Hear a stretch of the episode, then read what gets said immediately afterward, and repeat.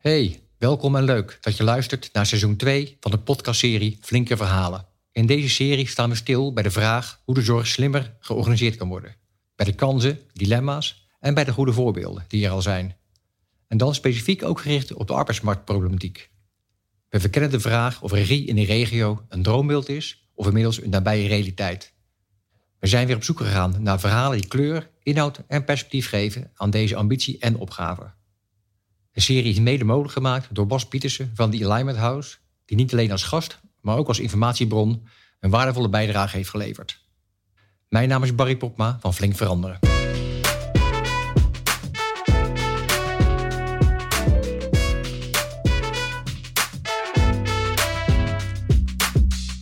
Nou Wim, welkom dat je er bent. Dank je. En ik ga je eerst even voorstellen. Uh, ik heb je afgelopen jaren uh, leren kennen, Wim, als een uh, betrokken en ervaren bestuurder, interim manager in de in sociaal domein, publiek domein, gezondheidszorg. Um, ik heb ook gemerkt en gezien dat je een betrokken sociaal ondernemer bent, waar onder andere de microkredieten in Zuid-Amerika, waar je een nauwe band mee hebt. En op dit moment praat je aan verschillende tafels ook mee over de coronacrisis en wat daar allemaal op ons afkomt en, en doet. Ja. En voor nu gaan wij praten, Wim, over uh, het organiseren van de zorg. Een thematiek die veel voorbij komt nu is regionalisering, regio-regie. En dat heeft natuurlijk allerlei uh, oorzaken en uh, achtergronden. En ik ben heel nieuwsgierig hoe jij dat ziet, Wim. Of dat het een, een droombeeld is of een nabije realiteit. En wat jij daar vanuit jouw ervaring niet alleen op ervaart en ziet, maar misschien ook wel welke wensbeelden of concrete ideeën je daarbij zou kunnen hebben. Dus nou, daar gaan we maar eens met elkaar over in gesprek. Leuk. Ja, ja gaan we doen. Um, waar ik mee zou willen beginnen, Wim, is uh, kun je eens aangeven hoe jij het, um, het speel- en een krachtenveld eigenlijk uh, ziet, als je daar zo'n vergrootglas onder zou, boven zou leggen. Uh, waarom is dit nu zo'n thema, die regionalisering van de zorg? Wat speelt er nu in de markt? Ja. Ja, dat is best een complexe vraag, omdat ik denk dat het meerdere dingen zijn die uh, een rol spelen. En um, ik denk dat om te beginnen zijn we op zoek naar, uh, naar maatwerk. En uh, dat is natuurlijk ook zo'n hol begrip, want wat is maatwerk? Want voor jou is zorg weer iets anders dan dat voor mij is. We hebben het allemaal nodig, we willen het allemaal gelijk hebben als dat het er is. We willen eigenlijk het liefst zo min mogelijk mee te maken hebben. Niemand gaat ons zorg halen voor zo'n lol. Uh, en tegelijkertijd zijn er ook wel heel veel keuzes. En dat willen we ook eigenlijk allemaal graag met elkaar. Je wil eigenlijk heel veel te kiezen hebben. En als er heel veel te kiezen is, krijg je een vorm van keuzestress. En in het maatwerk, uh, de, nou, jij gaf volgens mij ook uh, elders een keer het voorbeeld. waarom moet de zorg nou in Drachten anders zijn dan in Harderwijk? Of op wat voor manier dan ook. Je zou kunnen zeggen, een blinde darm is een blinde darm. Uh, dement worden is dement worden. Dat is allemaal, nou, het verloopt volgens dezelfde manier. En toch zijn we op zoek naar dat unieke erin. Uh, is dat nu anders dan twee, drie jaar geleden? Of is het, niet, is het een vraag van altijd al geweest? Ik denk dat de vraag van altijd al geweest is. Ik denk dat het wel een vraag is die zich regelmatig op verschillende manieren manifesteert. Ik denk dat we veel meer van elkaar weten. Deze tijd van corona, denk ik ik denk wel eens eerder dat we een informatiepandemie hebben in plaats van een coronapandemie. Want we weten zoveel en we willen zoveel kiezen. En du moment dat we kunnen kiezen, dan vinden we het heel erg lastig en zijn we eigenlijk weer op zoek naar richting. Uh, dus ik, ik, ik denk, ik, ik loop nu 30 jaar mee in die zorg, uh, dat dat eigenlijk altijd al wel heeft bestaan, maar iedere keer een andere uitingsvorm heeft. En er zijn natuurlijk ook wel sturingsmechanismen. Hè? Uh, geld, overheid, regels. Uh, zorg wordt steeds uh, nou ja, kostbaarder. Dat is nog een heel ander onderwerp. Hè? We kijken heel erg naar, naar, de zorg als kostenpost, terwijl je er ook als economische waarde naar kan kijken. En wie, want wie stuurt dan naar jouw idee in deze tijd die discussie? Want je zegt, hè, we hebben een informatiepandemie. Is, uh, is het de burger die dat roept? Is het de overheid die daar uh, op stuurt? Wie, wie, wie is de eigenaar van dit gesprek? Ja, dat is op zich een hele interessante vraag. Want uh, ik, ik, denk dat er meerdere eigenaren zijn. Kijk, je kan heel, als je, als je het heel plat uitdrukt, kan je zeggen wie betaalt, die bepaalt. dan, dan kom je bij de overheid terecht, misschien wel de zorgverzekeraars. Uh, maar als je zegt van nou, we willen veel meer naar vraagsturing toe of veel meer naar maatwerk, dan is het natuurlijk de burger die daar weer uh, zijn wensen in, uh, in uit. Een aardig voorbeeld nu is ook al in die tweede golf. Ik, ik, kom regelmatig toch op corona terug, omdat ik het zo een heel interessant onderwerp vind. Ik vind eigenlijk de stresstest van de zorg op dit moment. Hoe we het doen, hoe we het oplossen. In de eerste golf vonden we het heel normaal dat als je in een ziekenhuis in Bokstel werd opgenomen en er was eigenlijk te weinig plek dat je dan uh, naar Duitsland of waar dan ook werd, werd verhuisd. Nu worden er rechtszaken over gevoerd. Dus zo snel kan het gaan omdat we toch vinden dat we dan het toch weer op dat moment de juiste zorg op de juiste plek. Nou, het liefst tegen, nou ja, die kosten is nog een ander verhaal, want je hoeft niet bij de kassa af te rekenen. En we vinden het heel erg gek dat de zorgpremie omhoog gaat, terwijl we ook vinden dat de verpleegkundigen meer moeten gaan verdienen. Dus er wordt, misschien wordt er wel met te veel mensen over gepraat. Uh, maar dat klinkt voor een democraat natuurlijk wel raar om dat te zeggen. Want ik ben heel blij dat we in dit land erover kunnen praten. Er zijn natuurlijk landen zat waar dat niet kan, waar het hier gewoon opgelegd wordt dat woord wat je net noemde, eens uitpakkend, hè? de stresstest. Want wie heeft daar dan, naar jouw idee, vast meerdere partijen, uh, de stress? Waar zit die stress dan precies? Ook, ook dat is weer een interessante. Ik, ik, denk uh, dat ook beleidsmakers op dit moment wel een enorme stress ervaren. En misschien zelfs wel in een kramp schieten als de burger. Of, het is natuurlijk toch heel bijzonder. Je bent heel lang burger totdat je wat krijgt en opeens ben je patiënt. Uh, dat, daar, is maar dit voor nodig om dat te laten gebeuren. En toch blijf je weer die burger die ook uh, nou ja, zijn keuzes wil maken. Ik merk het zelf als bestuurder ook. Op het moment dat ik roep de, zorg, de, de, de, de hulpvrager centraal of de patiënt centraal of al, al dat soort mooie holle woorden. Wat, wat betekent het eigenlijk? En op het moment dat je erover gaat praten met een cliëntenraad of met een patiëntenraad of, of eh, wat dan ook, en er wordt iets gevraagd waar je op dat moment geen antwoord op weet, dan schiet je in de stress. Dan kan je in de stress schieten.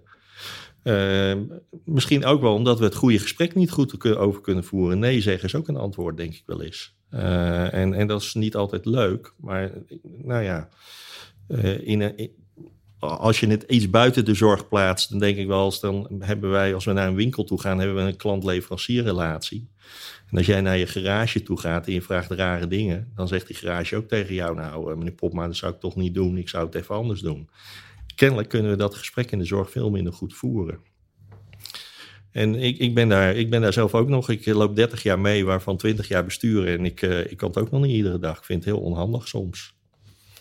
Nou ja, als die naar, kijken naar dat gesprek over regio, regionalisering, en regie voeren en zorg op de juiste plek. Ja. Um, nou, er zijn allerlei machten en krachten die daar uh, uh, aan trekken en duwen en daar invloed op uitoefenen. Wat is, wat is jouw ervaring over dat krachtenveld, uh, Wim?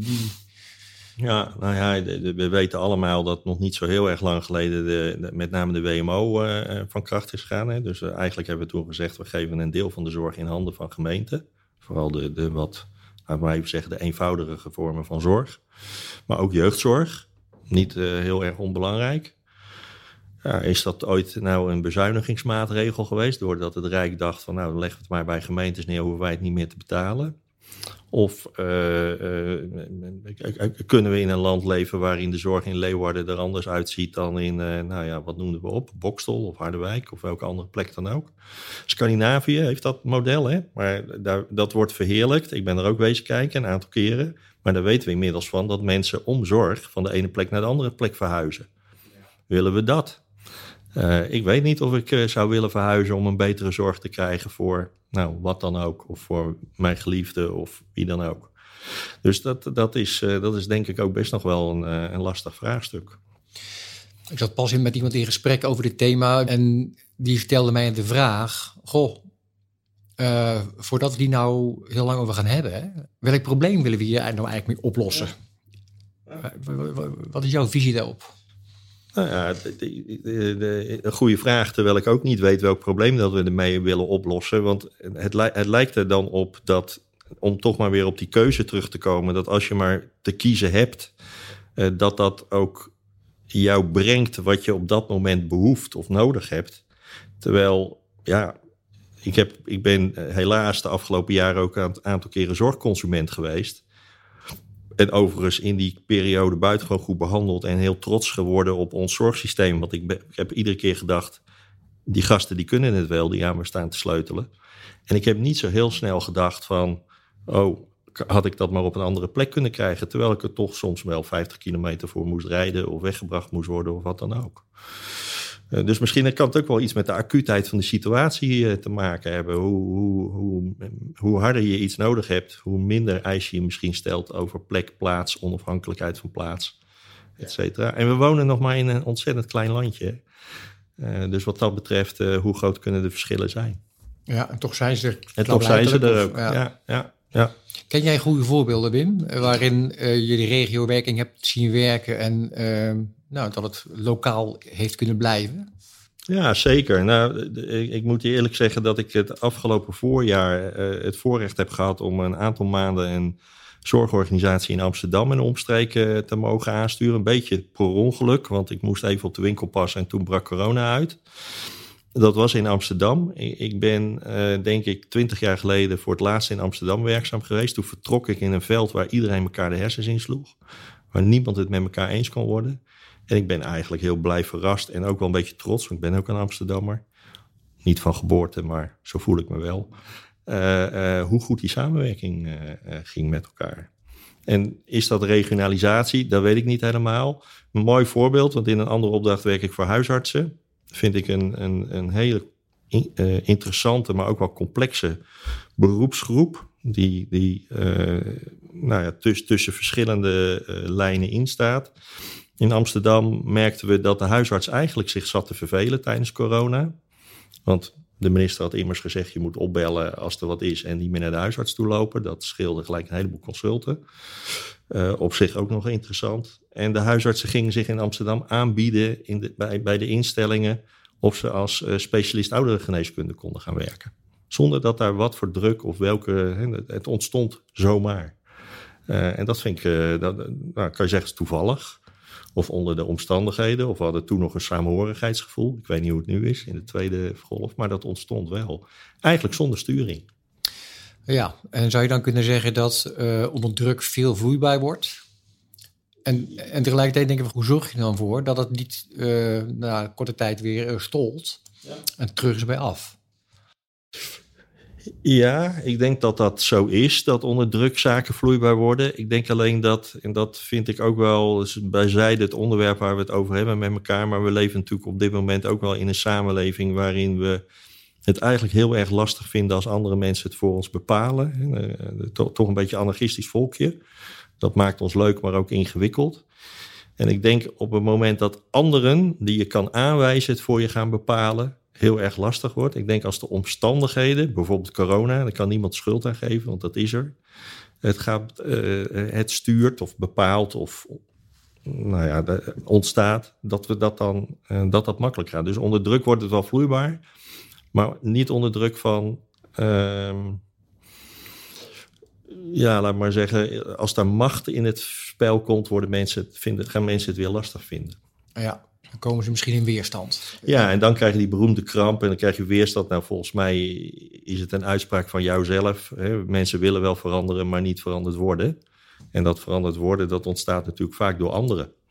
En als de omstandigheden zorgen dat je moet veranderen, of je moet opeens iets anders gaan doen omdat nou ja, het, het, het niet loopt zoals jij denkt, dan kunnen we dat kennelijk makkelijker. Het is veel meer een sociologisch vraagstuk volgens mij als dat dat een zorgvraagstuk is. Want het gebeurt denk ik op veel meer terreinen. Heb je het idee, Wim, dat bestuurders, hè, je bent er zelf één, um, op dat thema ook reflecteren? Welk gedrag zet ik nou in in welke fase van de strijd? Of wanneer ben ik nou ontvankelijk voor informatie en goede tips van anderen? Wanneer ben ik lekker gezond, eigenwijs? En hoe, hoe kijk je dat terug in je eigen praktijk? Hoe, hoe heb je dat zelf ervaren? Ja, ik denk wel steeds meer, maar dat is wel een beetje gevaarlijk, want het ligt, hè, tegenwoordig is het woord bubbel natuurlijk een hip woord. Het ligt een beetje aan in welke bubbel dat je leeft. Dus, dus ik ervaar heel veel mensen om me heen, heel veel collega's, waar we hele open, kwetsbare gesprekken mee kunnen voeren. Van joh, ik weet het ook eigenlijk niet precies, hoe zullen we het oplossen? Kan jij mij helpen? Hulpvraag is een kracht in plaats van een zwakte. En je hoeft als bestuurder niet alles te weten. Je mag ook een keer zeggen dat je het gewoon niet weet. Ja, dat kom ik heel veel tegen. Misschien wel meer dan vroeger. Maar misschien zoek ik het ook meer op. Of kom ik meer nu in die omstandigheden. Omdat ik ook wat senioriteit aan het eh, heb ontwikkeld inmiddels in de loop der tijd. Dus ik weet niet of dat meer of anders is geworden. Ik denk dat het veel gebeurt. Maar het gebeurt ook heel veel niet. Uh, er is ook nog wel steeds een, een ja, categorie, denk ik, of een groep. Of uh, mensen die, die daar ja, wat minder ontspannen mee om kunnen gaan. Ik merk dat het besturen steeds ontspannender wordt. Ik las van week een uh, artikeltje op LinkedIn. Uh, en dat stelde dat naarmate duurders, hè, dus in die zin hoog in de boom komen en meer een eindverantwoordelijke rol hebben gekregen, dat de vaardigheden die ze hebben nodig hebben gehad om te komen waar ze zijn, vervolgens weer verdwijnen op het moment dat ze er zijn. Is het voor jou anders geweest uh, als uh, om, om te kunnen besturen vanuit een interpositie dan vanuit een vaste positie? Ik vraag dat omdat ik kan me voorstellen dat, dat veel bestuurders een belangrijk deel van hun identiteit en een, en een missie, een opdracht die ze te doen hebben, ook heel erg linken en verbinden aan de club waar ze voor werken.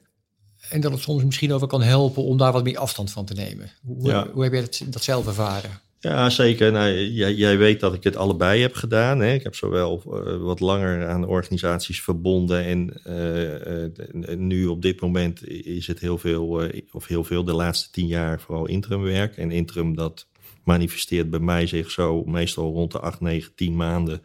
Toevallig nu een keertje anderhalf jaar. Um, ik zelf het verbinden aan de organisatie. Kijk, een organisatie is natuurlijk eigenlijk niks. Dat, ja, dat, dat is een verzameling mensen die met elkaar hebben voorgenomen om iets moois of iets goeds tot stand te brengen. In de zorg is het vrijwel nooit dat je trots bent op het product. Ja, je bent trots op dat je hoopt dat jouw organisatie mensen blij maakt of mensen beter maakt. Of uh, dat je sterftecijfer niet hoog is of allemaal dat soort dingen. Maar je, je bent geen Philips of geen... En mijn vader werkte ooit voor Philips in een hele relatief eenvoudige functie. En tot vervelens toe van zijn kinderen, in ieder geval van mij toen de tijd, kon hij avonden en avonden op verjaardagen met trots over Philips vertellen. Wat ze maakten en noem maar op. Dat, die trots zijn we verloren met elkaar op een of andere manier. Uh, wat mij bindt is vooral mensen. En uh, dat, dat kan in een interimopdracht ook na een week al zijn dat ik uh, me zo verbonden voel aan die mensen. Ik ben, in dat opzicht hou ik zoveel van mensen. dat ik denk, ja, met dit clubje wil ik het even gaan doen de komende tijd. en dan vind ik het mooiste ervan dat ik mezelf weer overbodig kan maken. En dat durf ik nu ook, omdat ik ook ouder ben geworden, denk ik. Vroeger, als je, als je vroeg tegen mij zei, Wim, je wordt overbodig dan werd ik daar natuurlijk een beetje nerveus van. En dan dacht ik, ja, dan heb je me niet meer nodig. En nu weet ik, ja, dan heb ik een volgende me weer nodig. Wim, ik zou graag een, een, brugje slaan naar het, uh, de arbeidsmarktproblematiek die ik zo her en der wel hoor. En uh, vanuit vroeger kennen we het eh, binden en boeien. Ja. Het behouden van medewerkers. En ik hoor vaak terug van mensen die zeggen: Ja, weet je, we vissen in dezelfde vijver. Of misschien moeten we juist wel eventjes van plek wisselen aan de vijver. En dat een, een ander stekje zoeken hè, om, om, ja. om, er hengelen. In, in, welke mate herken jij die arbeidsmarktproblematiek? Ja, die herken ik zeker. Uh, en daar kan je op verschillende niveaus antwoord op geven. Als je er heel macro naar kijkt en je kijkt naar het tekort wat we nu hebben, dan weten we één ding zeker: dat ga je niet meer met menskracht oplossen. Zoveel mensen hebben we gewoon niet. Als, het, als we het tekort van vandaag nemen en we zouden de menskracht nemen die we in Nederland hebben, de arbeidspotentieel, zou ongeveer iedereen in de zorg moeten gaan werken en hebben we het nog niet opgelost. Dus dan moet zeker naar andere zaken. Hè? De anders organiseren, innovatieve zaken, techniek, waar we natuurlijk ook wel uh, huiverig voor zijn. Uh, een, een, ander niveau vind ik uh, dat wij, en ik zeg met name wij, dus daar klinkt geen verwijt in naar wie dan ook, misschien wel in de eerste plaats naar onszelf. Ik vind dat we uh, toch even terugpakken tot net trots, als wij zo over onze sector blijven praten zoals we nu doen. Ja, hoe doen we dat, Wim? Niet goed. Altijd in problemen, altijd in zorgen, altijd over geld, altijd over tekort aan salarissen, altijd over dat. En je zit nu op het VMBO en je bent 15 en je moet een beroepskeuze gaan maken. En je hoort je ouders of de televisie of dat soort dingen over. Wat denk jij dan? Nou, dat lijkt me, dat lijkt me nou ontzettend uh, gaaf om daar te gaan werken. Nee, dan denk ik, ik ga lekker het in een andere sector zoeken. Dat geldt voor, voor het onderwijs, vind ik precies hetzelfde. Dus in die zin hebben wij een imagoprobleem. We hebben absoluut imagoprobleem. En we, we kruipen in de slachtofferrol. En uh, pubers houden niet van slachtoffers. Die, en, en pubers moeten gaan kiezen. En of pubers nou 16, 17 zijn voor de misschien wat, wat eenvoudige beroepen in de zorg. Of je, bent, uh, je gaat naar het HBO of naar de universiteit en je gaat uh, iets anders. Dan wil je, je, je wil bij winnaars horen. Op wat voor manier dan ook. En we weten best wel dat de zorgsector niet over winnaars en verliezers gaat. Maar je wil niet bij een sector horen die, loopt, die, die, die niet trots is.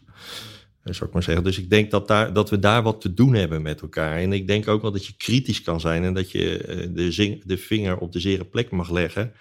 Maar wel vanuit een meer krachtige positie vandaan. En, en meer een positie die zegt wel we willen gaan oplossen met elkaar. Want als je kijkt naar de cijfers, hè, je gaf aan, goh, uh, in de huidige vijver, de huidige ja, vijver, ja. zoals we er naar kijken, ja. uh, die is te klein. Ja. Um, maar als je bij spreken meer uh, algemeen maakt, dan is de vijver landelijk uh, misschien groot genoeg. Ja, het, het, potentieel is groot genoeg. Ja, ja, ja dat, dat zou nog de vraag zijn hoor. Maar daar kan je natuurlijk, je zou een denkbeeldige scheidslijn door het land kunnen trekken. En laten we het even een kruis noemen, waarin we Noord en West scheiden van elkaar en Oost en, uh, over Oost en West en Noord en Zuid.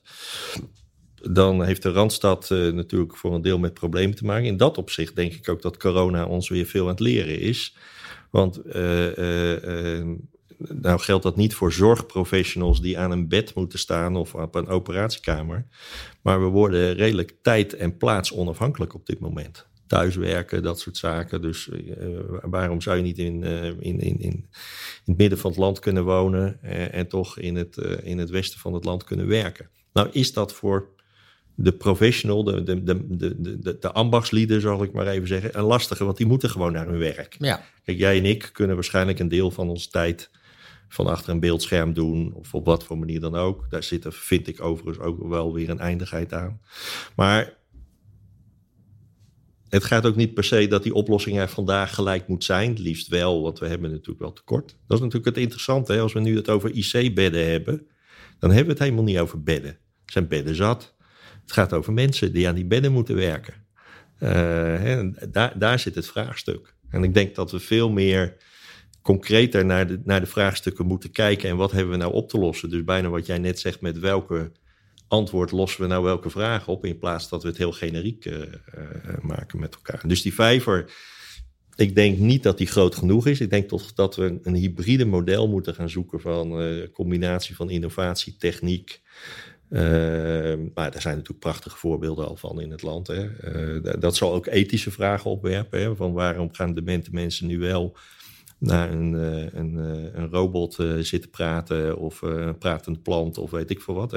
Staan we dat toe? Hoe gaan we daarmee om? nou, dat zijn vraagstukken. Weet ik ook niet helemaal. Ehm, ik vind nog een andere. Ik vind dat we te ehm, en ik zelf heb eraan meegedaan, te, te onvoorzichtig zijn omgegaan met een categorie mensen. In, in de VVT-sector zullen ze dat herkennen, dat noemen we niveau 2. Dat zijn eigenlijk de mensen die niet zo hoog zijn opgeleid, geen medicijnen mogen uitdelen, dat soort dingen allemaal.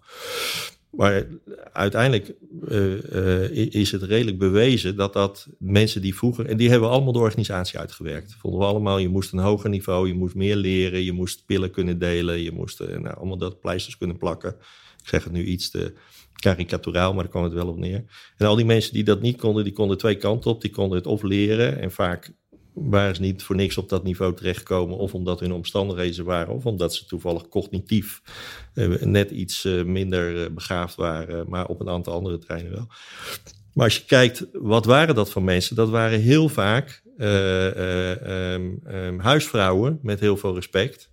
Van tussen de, tussen de 30 en de 50 die heel erg uh, goed waren in, uh, in gezinnen op te voeden. Uh, ik ben ze weer aan het aannemen. Want ik denk op het moment dat je daar goed in bent, dan, dan kan je ook met een aantal demente bejaarden omgaan op het moment dat je daar wat andere vaardigheden in aangeleerd krijgt. Dus we hebben heel erg cognitief en misschien wel bijna theoretisch ook gekeken naar ons arbeids potentieel. Terwijl ik denk, ja, op meerdere niveaus uh, hebben we verschillende type mensen nodig. Dat komt ook weer terug bij zelforganisatie en zelfsturing. Niet iedere categorie mensen is heel goed in staat tot zelfvoorzichtigheid. En waarom zouden we willen? Ik lees net, toen ik even op jou zat te wachten, net in de auto, een column van Claudia de Brij.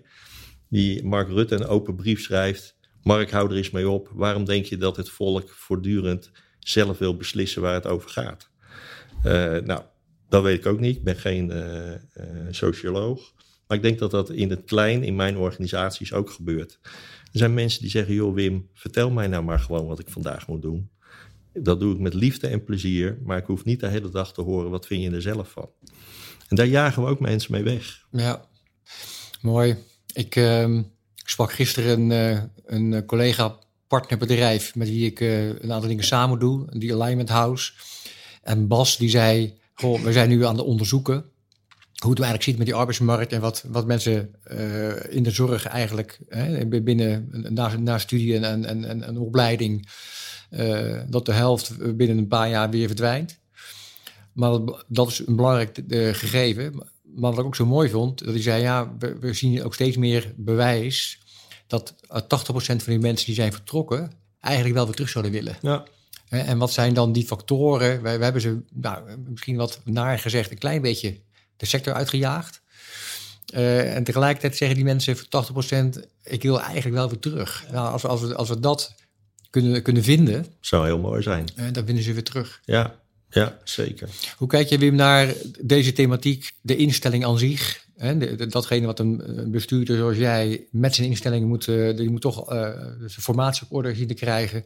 Maar jij zit ook in een regio waar andere instellingen uh, ja. zijn, waar migratie dynamiek is. Zie je dat als een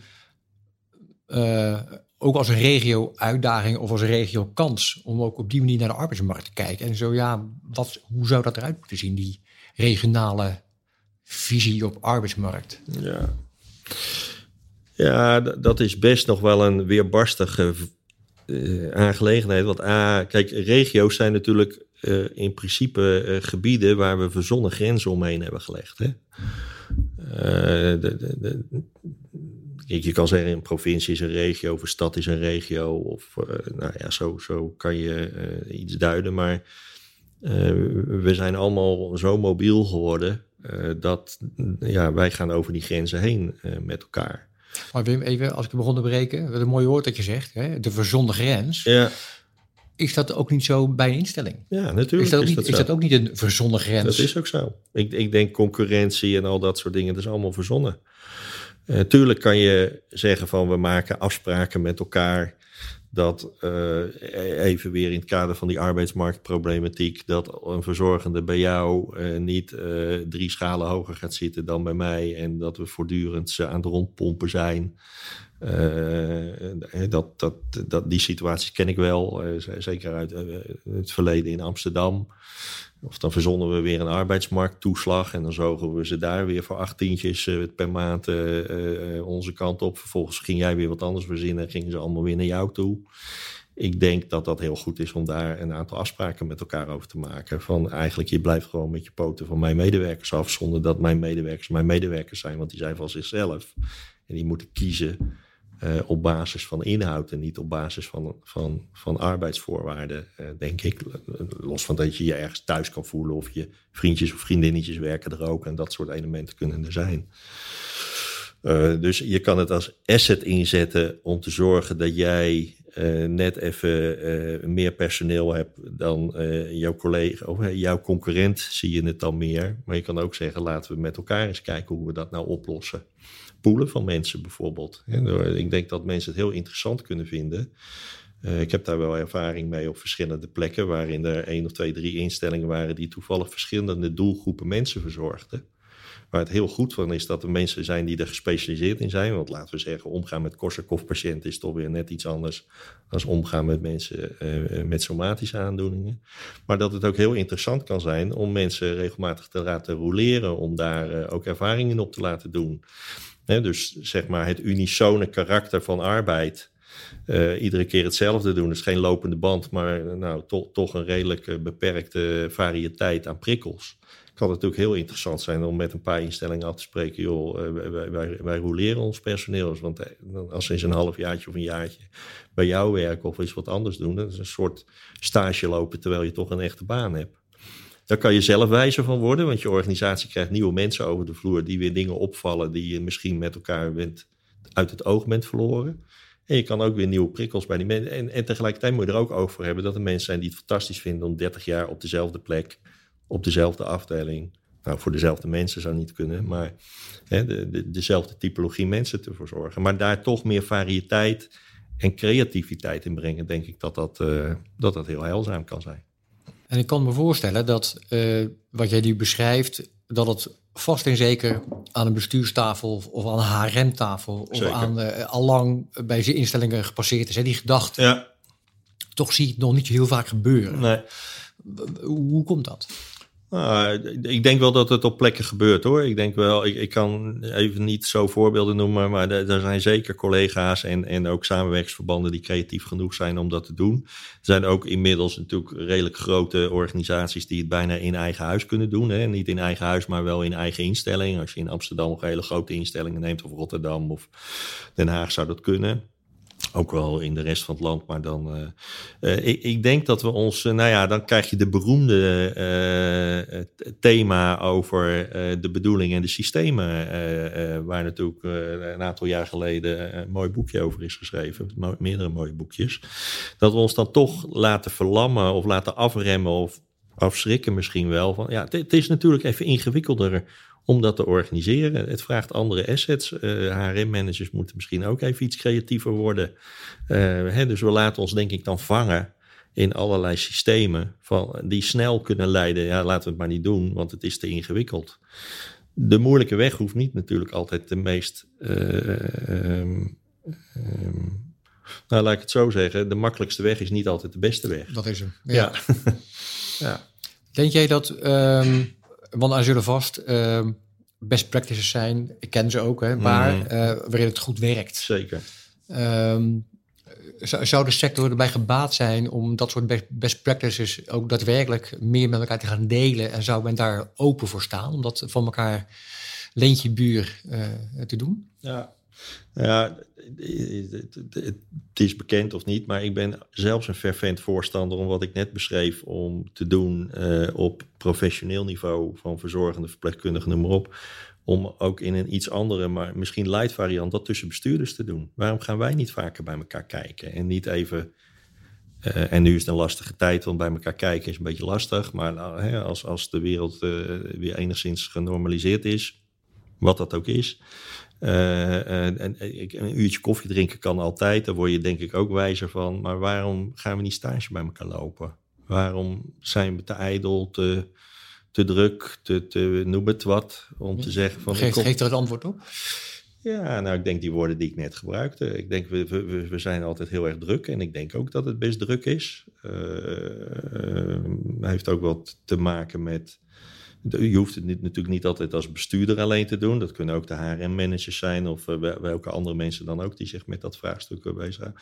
Ik denk ook dat er voor een deel ook al ijdelheid een rol speelt. Hè, van waarom zou ik nou aan jou vragen hoe het moet? Hè? Dat, ik, moet dat toch zelf op kunnen lossen. Dus we moeten toch iets kwetsbaarder nog durven zijn van joh, mij lukt het niet helemaal. Misschien lukt het wel met elkaar. Ik vind wel dat dat nu tussen instellingen bijvoorbeeld gebeurt. Hè? De, de anderhalfste lijncentra die nu aan het ontstaan zijn. Hè? Dus ik heb het voorrecht gehad dat ik natuurlijk in ongeveer alle sectoren heb mogen besturen. Dus ook wel ziekenhuizen, waarvan ik weet dat ziekenhuis staat natuurlijk ook altijd hoog in de hiërarchie. Daar wordt tegenaan gekeken. Maar eigenlijk is het niks meer en niks minder als een betermaakfabriek. Waar je zo snel mogelijk weg moet als je uitbehandeld bent. En niet te lang moet liggen, want dan is het een ziekmakende omgeving.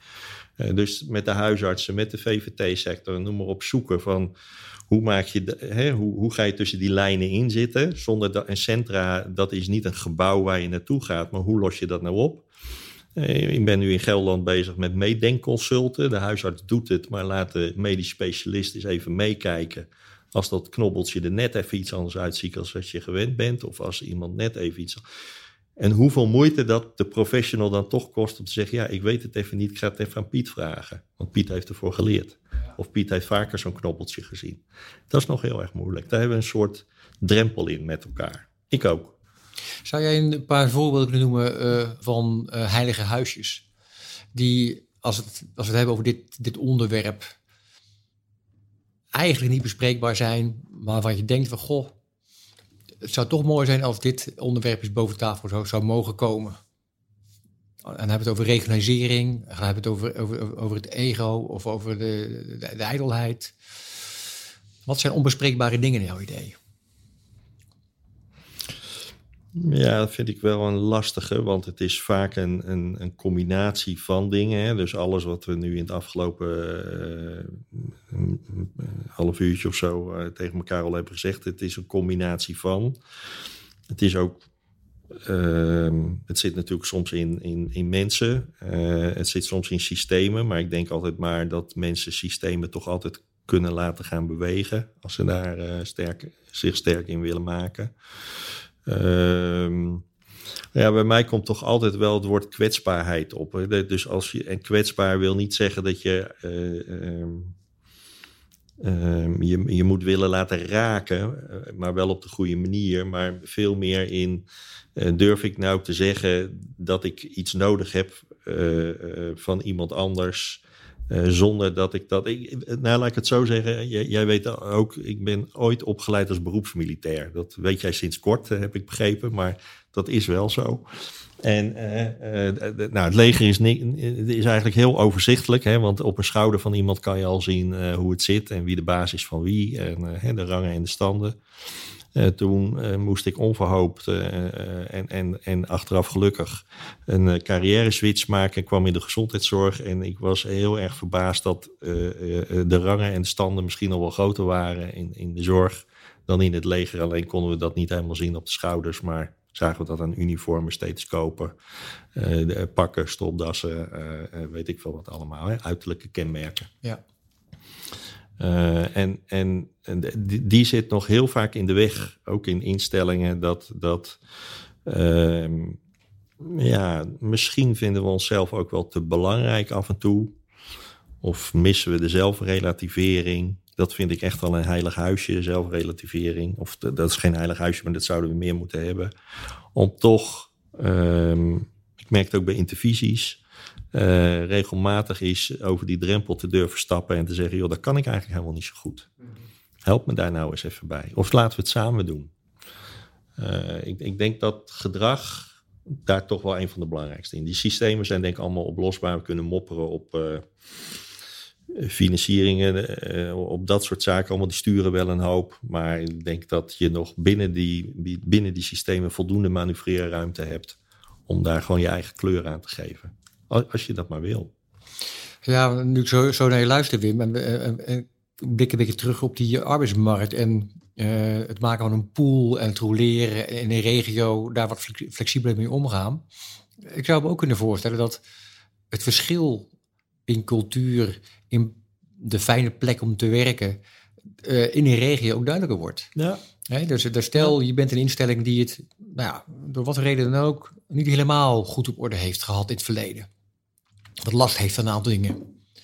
En je gaat, in een, uh, je gaat bij een instelling in de hoek poelen. Ja, dat, dat er meer mensen bij de ander willen werken dan bij jou. Ja, dat zou kunnen. Nou, ik heb een aantal jaar geleden, uh, door mijn werk heb ik nog wel eens met de inspectie te maken. Uh, we hebben eigenlijk een redelijk, dus zeker erg aan het verbeteren. En daar heb ik in de afgelopen maanden weer hele positieve ervaring mee gehad. We hebben een heel repressief inspectiesysteem dus je krijgt straf als je iets niet goed doet. En laat ik er duidelijk over zijn, als je iets niet goed doet of je maakt fouten, dan moet daarop aangesproken kunnen worden. Ik ben heel erg van het rijtje, zoals je weet, bespreken, afspreken, aanspreken. Uh, maar ik heb, denk inmiddels wel eens tien jaar geleden uh, de inspectiekeer voorstel gedaan. Waarom maken we niet een buddy systeem? we, we, we, we, leggen nu de, de, de schijnwerper op degene die het niet goed doet, met alle gevolgen van dien. Want helpen we daar die instelling mee? Ik denk het niet. die bestuurder of die mensen weten soms zelf ook wel dat ze dingen niet goed hebben gedaan of de omstandigheden. Maar we zorgen er ook voor dat het beste personeel daar wegloopt. Want die denken, oh, het gaat hier niet goed. Daar ben ik misschien zelf ook wel onderdeel van. Dan ga ik maar weg. Daar wordt alleen maar slechter van. Ik heb daar met Hugo Borst best wel eens over uh, gediscussieerd. Uh, dus, uh, maar je zou het ook om kunnen draaien door te zeggen op het moment dat je nou bewezen een aantal keren dingen goed hebt gedaan, dan word je gewoon de komende jaren misschien eens even wat minder lastig gevallen. Tussen aanhalingstekens, wat ik vind dat iedereen iedere dag altijd gecontroleerd mag en moet worden. Uh, maar word je, krijg, word je min of meer schatplichtig in een buddy te worden van een instelling die het misschien wat minder goed doet. En, uh, dus als ik die instelling ben die het wat minder goed doet en jij bewezen de afgelopen jaren goed, goed te doen, nou, dan, uh, uh, dan, dan, kom jij mij eens een tijdje helpen. Ja, maar dan moet je het niet voelen als, als een pottenkijker. Nee, dan moet je geen pottenkijker. Het moet ook niet als straf opgelegd worden. De, de, de, dus dat, daar is wel wat voor nodig om dat klimaat te creëren dat dat ook als helpend wordt ervaren en niet als, nou, als repressie. Maar ik denk zeker, en, en, het zou verder uitgedacht moeten worden, maar het gaat meer even over de denkrichting. Van, uh, het is bij, bij het, klassieke onderwerp, uh, werkt straffen nou beter als belonen of andersom? Nou, ik denk een combinatie van. Ik denk ook dat dat een beetje te maken heeft met in welke fase. Kijk, een, een, een kind moet je af en toe straffen. Iemand die te hard rijdt of wat anders doet, moet je misschien straffen. maar ik denk dat belonen, dus je kan het ook als een beloning zien. Eh, eh, op dat moment. Ja, en daar komen voor mij dan twee dingen bij elkaar in jouw gesprek, eh, Wim.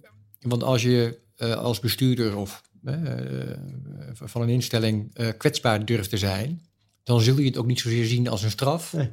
maar meer als een kans en een, en een cadeautje. Ja.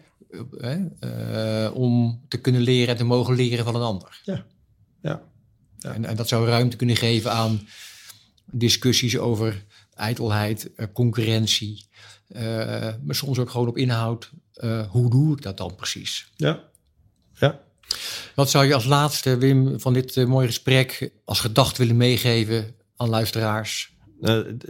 om te beginnen zou ik ze over de manier van nadenken iets willen meegeven. En die manier van nadenken, ehm, dat is bijna mindset. om dat wat ontspannender te doen dan alleen maar in allerlei academische oplossingen. Ehm, durf gewoon ook eens, uh, ja, ik zou bijna zeggen, het gezonde verstand op los te laten. Zoals je op heel veel plekken moet doen als je even niet uh, in die rol van bestuurder of noem maar op zit. Dus, dus durf ontspannen te zijn. Durf, durf ook. Durf een mening te hebben.